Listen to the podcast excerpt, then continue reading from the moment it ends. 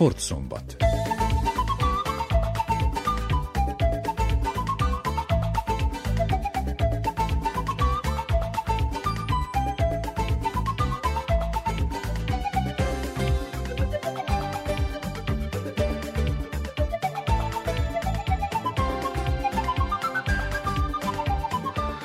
Köszöntöm az Újvidéki Rádió hallgatóit, a mikrofonnál Szabó András, a keverőpultnál Nestor Ápigy. A következő szűk egy órában a Zentai Atlétikai Klubról hallhatnak, amelyről Táborosi László mesél. Ezen felül a Topolyai labdarúgó kupa mérkőzésről és az Újvidéken rendezett asztali tenisz bajnokok ligája meccsekről is hallhatnak.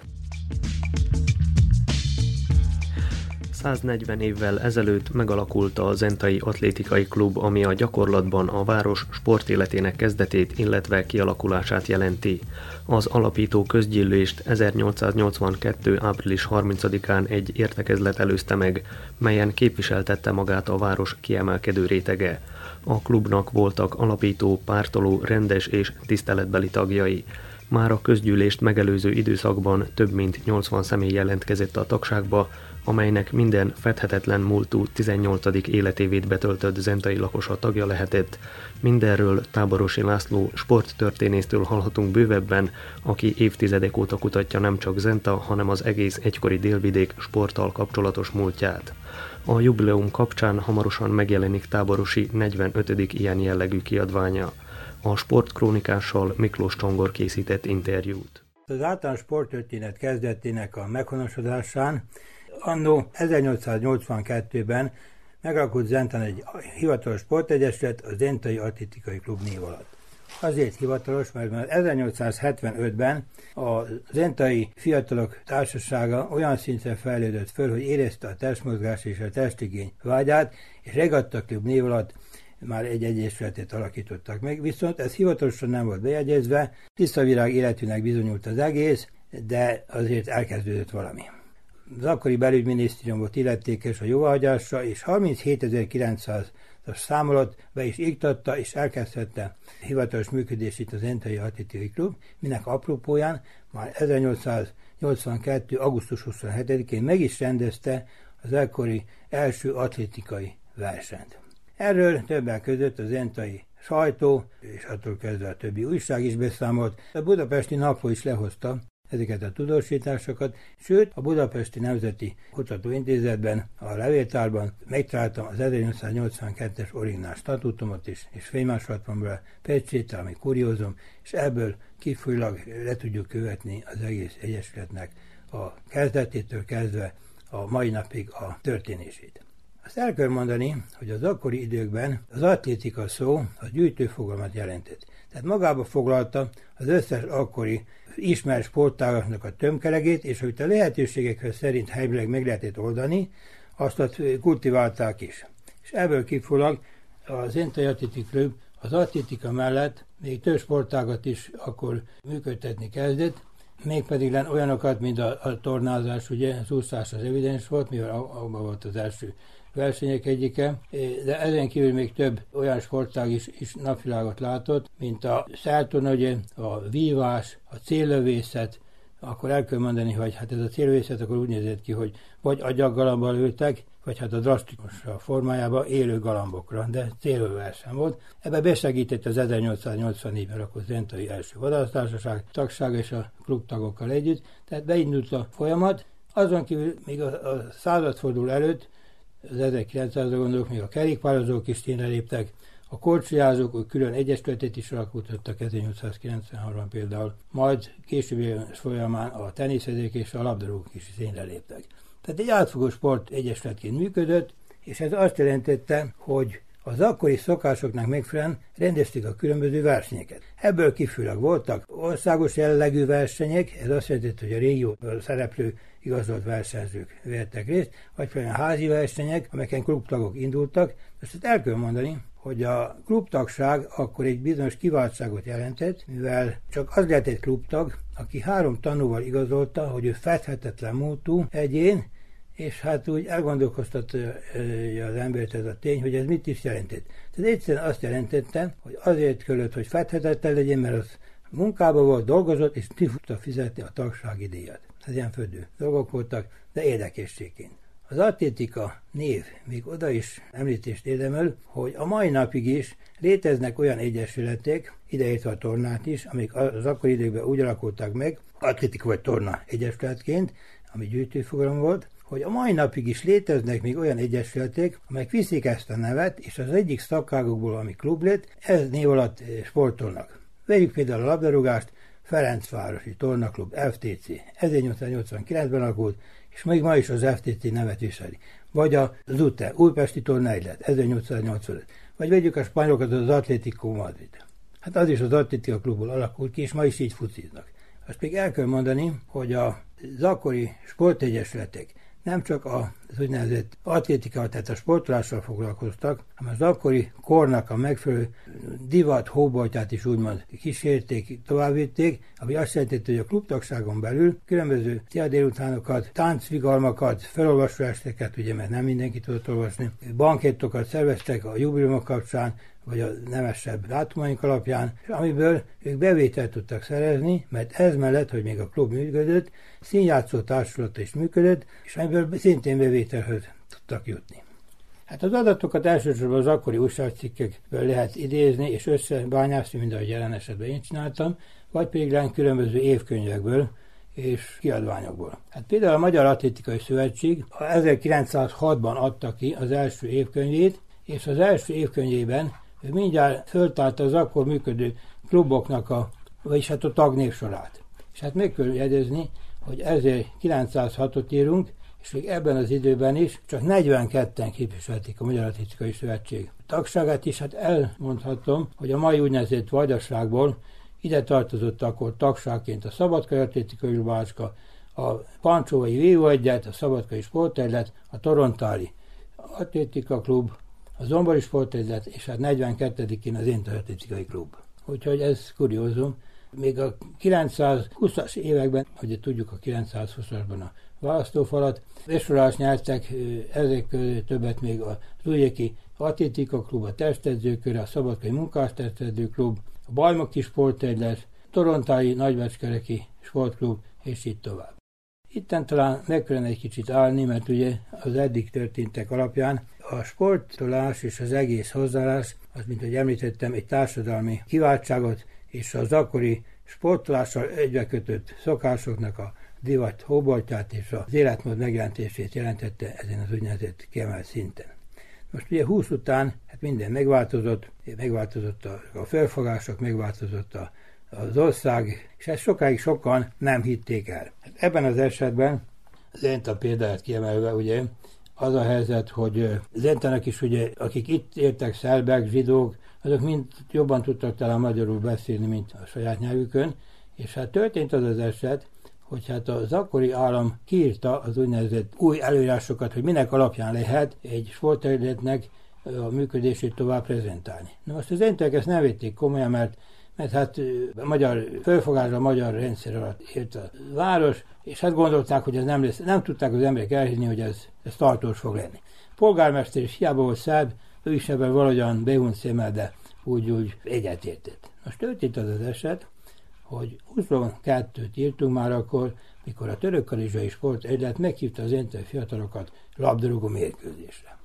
Na most mindegy, hogy mi volt az eredmény, vagy hogy mit játszottak, mert akkor még hivatalos bajnokságban az öntőek nem szerepeltek. Az történt, hogy megbarátkoztak meccs után, és eléggé rózsás hangulatban jöttek hazafelé. Azt mondani se kell, hogy kocsikkal mentek. A kocsit vezető egyének is magyarok voltak, és hát az egyik öreg bácsika úgy megijedt, mert a ma fiatalok elkezdték énekelni a magyar himnuszt, és megkövetelték a kocsist, hogy parádéba vezesse a lovat.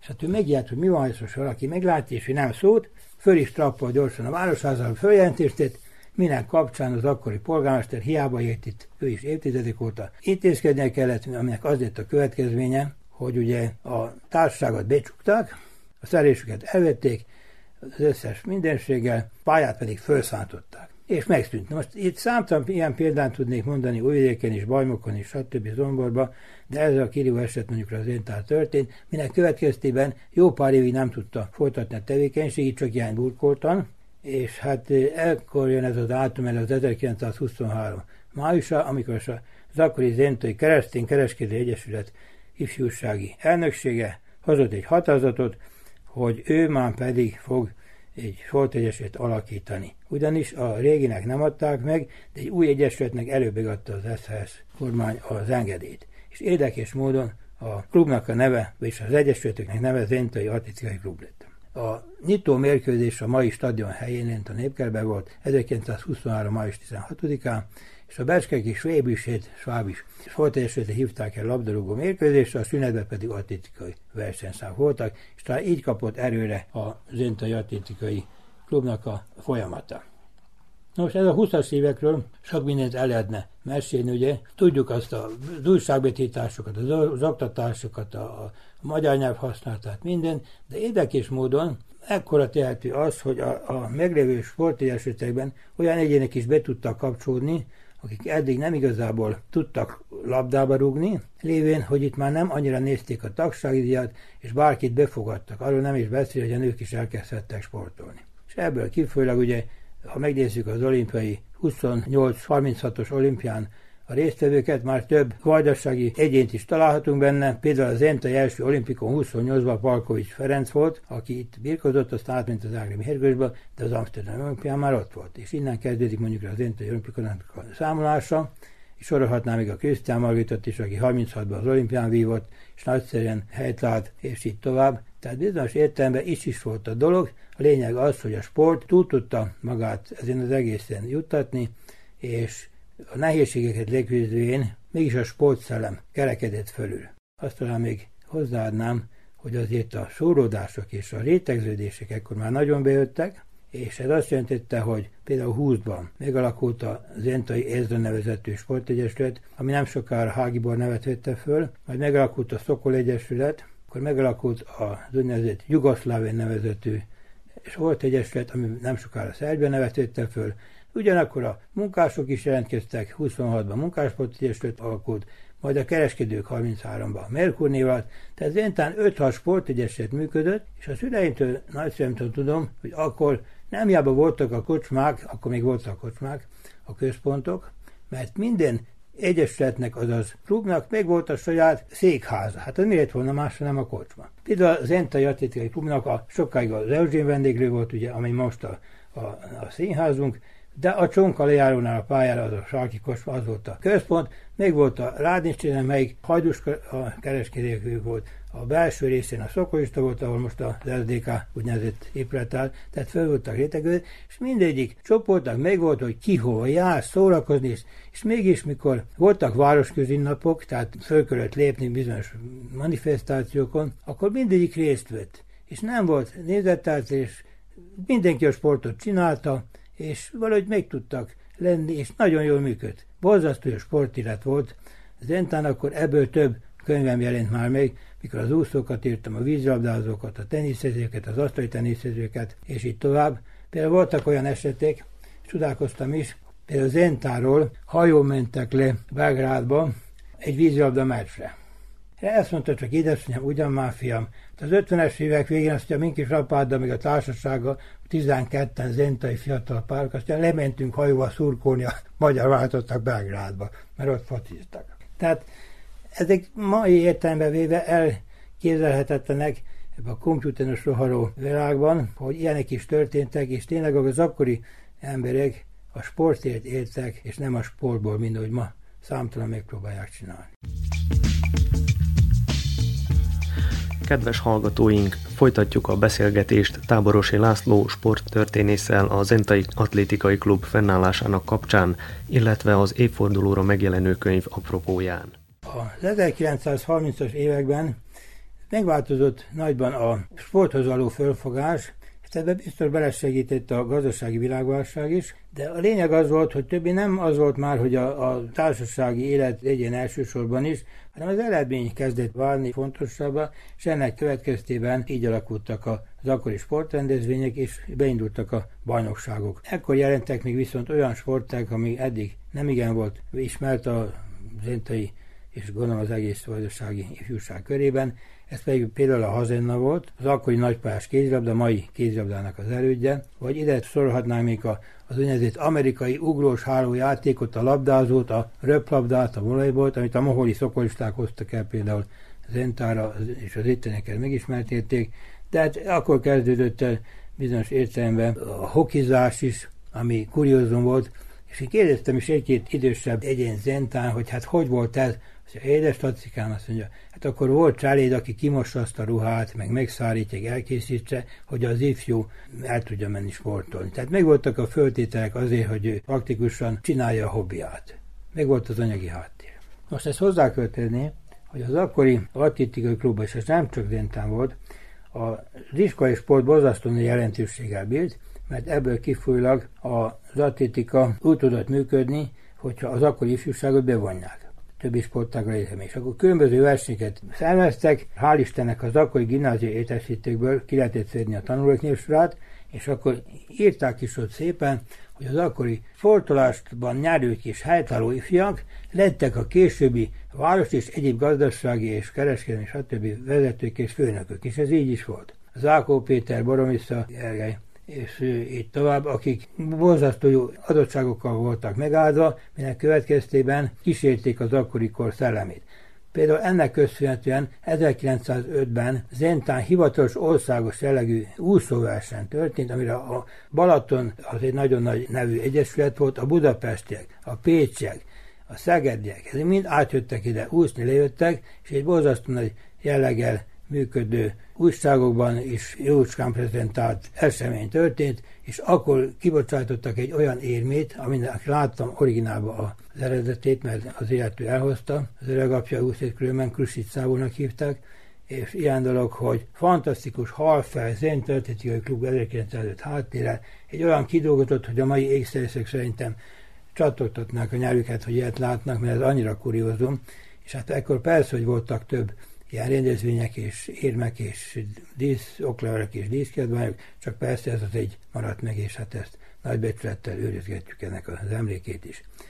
A második világháború történéseiben az Interatikai Klub ismét felvette a Szentjánszki Atlétikai Klubra a régi ellenőrzését, és a több sportág be indítva, ez mellett még akkor a az úgynevezett Levente és a Központi Ifjúsági Sporttagozat is működtette a sportási lehetőséget, sőt ez kötelezővé is vált, és hát itt most kiemelkedik elsősorban a labdarúgóknak a bajnokság, akik a második ligában játszottak az akkoriban, de ez mellett még bazasztó jó szerepeltek a birkózók is, az asztali tenészezők is, az vízilabdázók, az atléták azok ilyen helybeli és főleg ilyen városok közötti mérkőzéseken is emlékverséken vettek részt, és ez mellett még ide tartozik a zökövülyás is, a szertonázás, úszás, tenisz, korcsolyázás, biciklizés, stb., aminek a nyomára szintén bukaltam az újságok böngészésekor, és hát meglepő dolog ez, hogy micsoda borzalmakkal és szörnyűségekkel járt ez a második világháború, és mégis a sportról ennyi mindent össze lehet bányászni, mám pedig én össze tudtam, tehát valós volt. A második világháború után akkor tudunk talán beszélni igazából az atlétika, mint atlétikának a mai értelművet valóságáról, mert akkor kerültek azok a az atlétikai versenyszámok csak műsorra, amelyeket ma is ismer a tisztelt hallgatóság. 1945. február 5-én, talán elsőként, ha nem vajdaság és még bővebben is, az Entán már megalkott egy sportegyesület, persze az új elvárásoknak megfelelően Jedészó sportegyesület névat, amiben 16 szakág működött, köszönhetve mindezt azért, mert ugye a régi hagyományok itten előtérbe tudtak kerülni. És hát ebből a szakágokból később névváltoztatás lett, Pobeda név alatt, ez 48-ban volt, az én Atletikai Klub kivált a szakákból, és akkor önállósult, és innen indul az én Atletikai Klubnak az úgynevezett önálló élete, de 1945-től a mai napig, tehát az atlétika klub, mint olyan voltunk mi, tiszta atlétika klub, akkor voltunk vasutas atlétika klub, voltunk a központosított része, és akkor a végül visszavettük ugye ezt az Entő Atlétikai nevet, aminek a Entői elnevezése prezentálja ezt, amiről a 140 év szól. És hát hagyd mondjam el, hogy ebben az időszakban, az 1945-től kezdve, a mai napig, tehát 2022-ig az Entai Atlétikai Klub versenyzői 3170 egy versenyen vettek részt, és ebből 1033 került megrendezésre Zentán, és 2138 alkalommal pedig utaztunk. Ez mert még 365 alkalommal külföldi országokban is szerepeltünk, a világ minden táján. Dél-Amerikától kezdve mindenhol. Hát a, az érmek számát, meg, a, meg a, a pontos leírást, az olyan, hogy az a könyvben meg fog látszani, de annyit talán azért még elmondhatok, hogy több mint 2000 bajnoki címet nyertek az egyén és a csapatversenyben, és közel 500 csúcsavítás is történt, és 900 válogatott is volt, a fölnőtt és a junior mezőnyben az országos tartományos a köztársasági versenyeknek a kírásának a kapcsán. Lehetne itt órákat beszélni erről a történésekről és az egyénekről, viszont erről könyv fog készülni, az utolsó sorokat vésen be a könyvbe. Hát azt tudni kell, amit már számtalanszor elmondtam, de főleg magamnak, hogy egy kutatás sosem lehet abba hagyni, csak befejezni, ötletukni a könyvet, ráhagyni, mert annak idején elmondta nekem az egyik levéltár igazgató, hogy Lacikám, addig fogsz javítani a könyvben, még addig fogsz valami mást megcsinálni, még van erőd újraolvasni. Mert minden újraolvasásnál lehet találni benne hibát. A lényeg az, hogy ez a könyv a vége felé jár, és hát remélem, hogy az idejében, december folyamán még ennek a jubileumi közgyűlések a kapcsán ez méltó prezentálásban napvilágot is fog látni. Hát ez a 450 oldalnyira tervezett A4-es formátumú, a képek sokadalmával. És egy végső kuriózum, 1882-től, akit megtaláltam a több évtizedes kutatás során, újságcikkek, jegyzőkönyvek, versenyek, stb. azoknak a száma föl van sorolva, ez 625 fő, és az 1945-től 2022-ig, akik részt vettek, mint versenyzők, bírók, segítkeztek a bíráskodásban, vezetők, szponzorok, stb. Ezeknek pedig a taglétszáma 3583 fő, és ez mind fel van sorol, és ez mind az Intői Atlétikai Klub tagja volt, és ezeknek közvetlenül a működésnek és a közleműködésnek az elért eredmény, és ezért van az miattuk, hogy ma egyáltalán valamiről beszélünk, és valamire büszkénk lenni. A zentai sportélet kapcsán itt mondjuk el, hogy idén az 1945 óta fennálló mindmáig tekintélyes zentai atlétikai bírói testületről is kiadvány jelent meg Táborosi László sporttörténész tollából. A TSC 2-0-ra legyőzte szerdán a Pancsovai Zseleznicsárt a szerb labdarúgó kupában és bejutott a negyed döntőbe. A mérkőzés után Nikolás Spalekkel, a topolyaiak játékosával és Tomislav Szivittyel, a pancsovaiak edzőjével beszélgettünk. Spalek Olaszországból a Brescia csapatából érkezett a TSC-hez, ahol az élvonalban, tehát a Szérie A-ban is játszott, de Topolyán egyelőre nem sikerült beverekednie magát a kezdő 11-be. Törőcsik Nagy Tamás interjúja következik sikerült bejutnotok a szerb kupa negyed döntőjébe. Te is hozzájárultál ehhez a továbbjutáshoz, hiszen rajtad szabálytalankodtak az első találat előtt, ami ugye büntetőből született, de tulajdonképpen hogyan is értékelnéd a továbbjutást, illetve a te teljesítményed? Nagyszerű meccs volt, szerintem nagyon jól kezdtük el, mert rögtön egy 11-essel nem tudom pontosan hányadik percben, de nagyon az elején a mérkőzésnek, szóval ezzel nem adtunk esélyt a, az ellenfélnek, hogy beálljon védekezni, vagy valami, és sikerült egy másik gólt is is lőni, amivel kicsit megnyugodtunk, és tudtuk tovább játszani a mi játékonkat. Már csak egy mérkőzés maradt hátra a bajnokságból, ezt majd a hétvégén játszátok, de hát lassan lehet összegezni, hogy milyen is volt ez az őszi idény. Te ugye már akkor kerültél ide, amikor elkezdődött a bajnokság, de tulajdonképpen mennyire vagy elégedett ezzel a pár hónappal, hogyan találtad fel magad Topolyán? Hát amikor én jöttem, az már a hetedik kör volt, hanem ha, ha jól gondolom, kb. hetedik körbe voltunk. Egy időszak után jöttem, ahol nem sokat játszottam Olaszországban az utolsó évben, szóval kellett egy kis idő, hogy visszajussak a legjobb formámba. Remélem, hogy több időt fogok kapni a pályán, de ez csak azzal lehet, ha tovább fog harcolni, és, és aztán persze, hogy edző, ahogy dönt. Nyilván ugye neked is az a célod, hogy bekerüljél a kezdő 11-ben. Milyenek erre az esélyek a tavaszi szezonban, tehát a bajnokság második felében? Meglássuk, hát idáig, ahogy mondtam, nem sok időt kaptam, lehet, hogy még többet kell belenyomnom nekem, vagy valamit változtatni. Meglássuk, milyen lesz a felkészülés, és, és azután persze, hogy most a csapatnak nagyon sikeres időszakja van, sok meccset nyerünk, szóval nem nehéz, vagyis nem könnyű az edzőnek is döntéseket hozni, türelemnek kell lenni, és, és minden meg lesz megkérdeznélek az olaszországi időszakról, ugye négy évet focisztál a, a Bressában. Egy korábbi alkalommal említetted, hogy példaképet Cristiano Ronaldo, viszont ő ellene nem sikerült játszanod, mert azon a meccsen, amikor a Bressa Juventus ellen mérkőzött, Ronaldo éppen sérült volt, de melyek azok a pillanatok vagy mérkőzések, amire legjobban emlékezel ebből az olaszországi időszakból? Hó, hát, hát persze, hogy a feljutás is nagyon gyönyörű volt, mert hát nem egyszerű feljutni a Széria B-ből a Széria A-ba sok jó csapat van a második osztályban is, de hát persze, hogy a legjobb időszak volt a, a széria A, és a legjobb meccset, ha kellene egyet választanom, az biztos a Nápoly meccs ellen volt, amikor Nápolyban játszottunk. A jövő vasárnap kezdődik a labdarúgó világbajnokság, és hát Olaszország nem lesz ott ezen a BB-n. Te ismered az olasz mentalitást, hogyan élhették meg az olaszok azt, hogy nem jutottak ki a VB-re, és egyáltalán mi a véleményed arról, hogy a, az Európa bajnok kénytelen lesz kiadni a világbajnokságot? Szerintem az olasz szempontból nagyon nagy csalódás ez, mivel ez egy foci álom, ahol imádják az emberek a focit, de hát jött egy kis makedón, aki ki tudta verni az olaszokat, és hát nem jutottak ki. Kicsit kár, hogy nem lesz látni egy ilyen nagy csapatot ott, ilyen, olyan nevekkel, amik vannak Olaszországban, de szerintem jobb világbajnokságot várhatunk nem csak Olaszország, hanem Szlovákia is kiadja ezt a közelgő világbajnokságot. Te ugye játszottál az utánpótlás szlovákiai válogatottakban, a felnőttben viszont nem.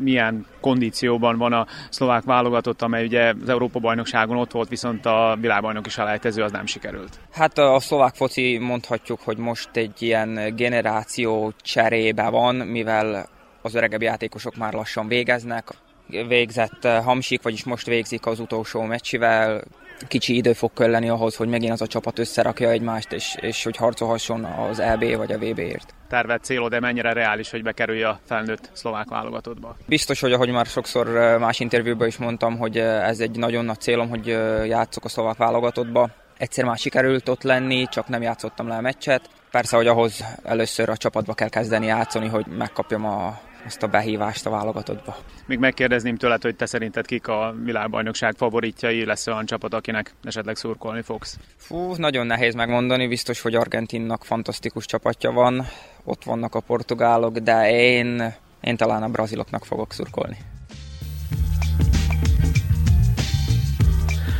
A szabadkai születésű Tomislav Szivics korábban Magyarországon dolgozott, a Kecskemét, a Paks, a Diósgyőr és a Mezőkövesd edzője volt, illetve a szerb utánpótlás labdarúgó válogatott szövetségi kapitányaként is tevékenykedett. Ettől az idénytől a Pancsovai Zseleznicsár edzője, amelyel az a cél, hogy kiharcolja a feljutást a Szuperligába. Együttese jelenleg a harmadik helyen áll az első ligában. Szívityet a topolyaiak elleni kupavereség után kérdeztük. TSC egy jó csapat, az nincs szó erről, hogy, hogy ez kérdés. Amikor nekünk kell hajtani az eredmény után egy ilyen jó csapat ellen az nem könnyű, de azt mondom, hogy második félidőben jobbak voltunk, és ha berúgtunk volna ezt a 11-es, akkor még lehetett volna dráma is, biztos vagyok ebbe. Gratulálni kell, meg tovább kell nézni, mink a bajnokság nekünk a cél. Azért is játszottam a vegyes csapattal. Második fél időben, amikor bementek ezek az első csapatban, egyben látszott a, a különbség, de még egyszer mondom, fókusz feljutás, és van még két mérkőzés nagyon fontos, nekünk nyerni kell, és már ma játszottunk egy jó szép meccs, jobb csapat nyert, tovább jutott, sok sikert kívánom neki. Két belgrádi együttessel, az IMT-vel és a Graficsárral küzdenek azért, hogy kiarcolják a feljutást érő hely valamelyikét, közülük ki lesz a nagyobb rivális, és hát tulajdonképpen mekkorák az esélyek arra, hogy megszerezzék a Superligát érő pozíciókat.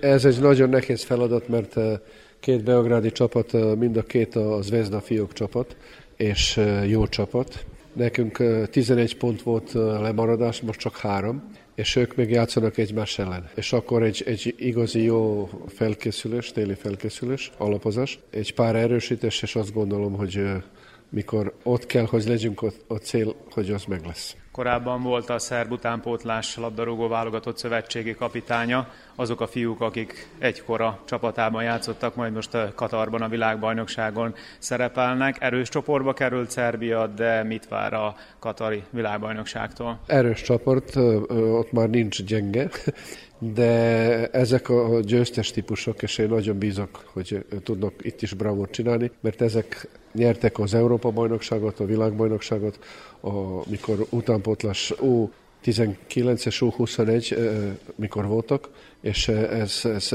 benne van a karakterben. Nagyon bízom, és azt gondolom, hogy idáig is csodálatos mérkőzés játszották a válogatottba. Megcsináltak első hely a Portugál előtt. Nagyon jó néznek ki jelen pillanatban. Még egy kérdés, az első csoportmérkőzést majd az ötszörös világbajnok Brazíliával vívja Szerbia nyilván nagyon nehéz lesz, meg lehet a brazilokat letni? Hát ez a, ez a korosztály, mikor világbajnok lett, akkor pont Brazil ellen játszottak a döntőbe, és nyertek, szóval ezek nem félnek ettől. Biztos vagyok, hogy neki nem fog okozni valami problémát, hogy Brazil ellen vagy akár melyik csapat. Brazil erős csapat, az nincs kérdés, de ezek nem fognak félni ettől. Az országos bajnok Novi Sad asztali teniszezőnői a héten legyőzték cseh riválisokat, majd kikaptak francia ellenfelüktől Újvidéken a Bajnokok Ligája top 12-es szakaszában.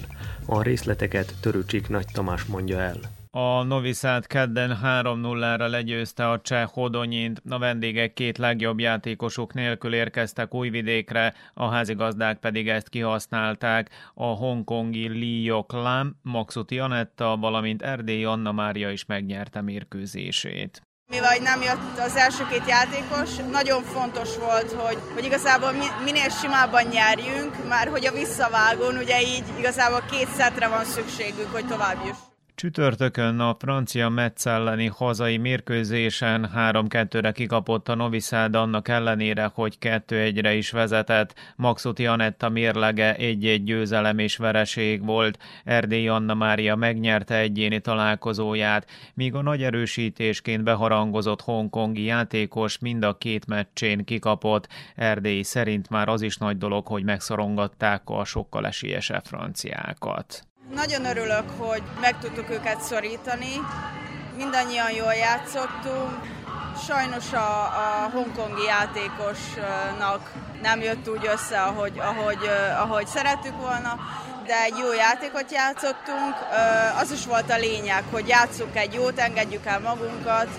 Közel voltunk, de sajnos nem sikerült. Maxuti Anetta a francia bajnok ellen előbb 3-2-re nyert szettekben Pauline Chasselen ellen, majd 3-1-re kikapott Adina Diakonutól. Az én célom az volt, hogy, hogy jobb meccset játszok, szorosabb legyen, sikerült 3-2-re megverni, inkább ilyen rövidebb poénok voltak. Úgyhogy annak örülhetem, viszont a második meccsben az azzal nem vagyok elégedett, 3-1 lett, de, de sajnálom, hogy kikaptam. Végül kikaptunk, de szerintem egy jó meccset játszottunk, és most várjuk a Hodoninál a második mérkőzést. Adina Diakono a korosztályos Európa-bajnokságok történetének legeredményesebb asztali teniszezője, Maxuti szerint magas szintet képvisel. Hát nagy szintet képvisel, az biztos. Szerintem megfogható lett volna, úgyhogy bánom, és tényleg nem nagyon ment a fonák, ez van, szerintem lehetett volna jobb. Mérges is vagyok, de tényleg nagyon jó játékos, úgyhogy örülök legalább játszottuk ilyen játékosokkal, úgyhogy örülünk azért. A román Adina Diakonu szerint annak köszönhetően dőlt el javukra a mérkőzés Újvidéken, hogy a fontos pillanatokban ők nyerték a pontokat. I think uh, it's Champions League, so all the matches are very close, uh, quality matches. A bajnokok ligájában a mérkőzések általában szorosak és minőségiek. Nem tudhatjuk előre, hogy milyen eredménnyel érnek véget.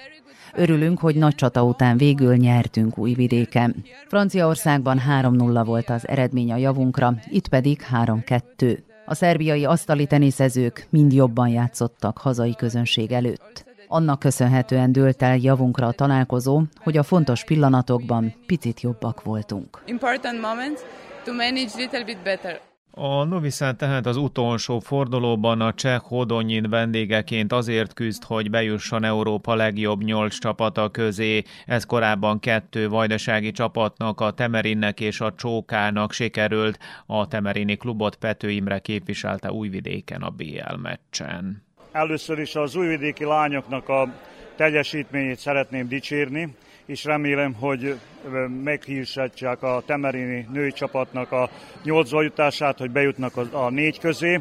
Hát annak idején a 90-es évek közepén nekem megadott az a szerencse, hogy én voltam a Temerini harangcsapatnak a, az edzője, akik ötször egymás után Jugoszlávia bajnokai voltak, és kétszer a 95-ös, 6-os idényben és 97-es, 98-as idényben bejutottunk a legjobb nyolc csapat közé Európába.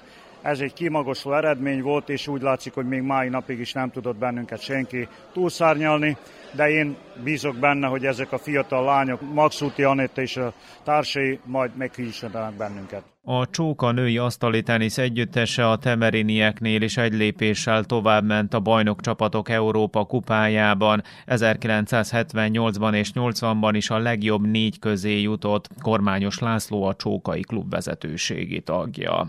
Óriási élmény visszatekinteni azokra a sikerekre szinte ilyen hosszú évtizedek távlatába visszatekinteni. Csodálatos eredmény volt akkor az, nem csak Csókába, hanem a Nagy Jugoszláviába, és európai szintű hírneve volt a klubnak. Tudni kell azt, hogy a harmadik és a negyedik országos bajnoki cím megszerzésének egy kiváló csapata volt, Palatinos Perkocsin és Király Ivan a személyében, és tudni kell azt, hogy a, a híres budapesti statisztika ellen meccslabdájuk is volt Csókának, és a 3-1-es vezetés után sajnos elveszítettek, de a történelmet írtak ki ezzel, akkor még senki se gondolta volna, hogy azóta sem tudta egy hazai csapat sem megismételni ezt a szép eredményt. A Noviszád női asztali tenisz együttesének egy győzelme és két veresége van a BL Top 12-es szakaszában. December elején a Hodonyin elleni utolsó csoportmérkőzésen dől el idegenben, hogy sikerül-e kiharcolniuk a negyed döntőbe jutást. Kedves hallgatóink, a Sportszombat mai adása ezzel véget ért. A műsor létrehozásában segítségemre volt Miklós Csongor, Törőcsik Nagy Tamás és a technikai munkatárs Nestor Ápigy. Nevükben is köszönöm megtisztelő figyelmüket, Szabó Andrást hallották. A műsor hamarosan visszahallgatható lesz az Újvidéki Rádió honlapján a hangtár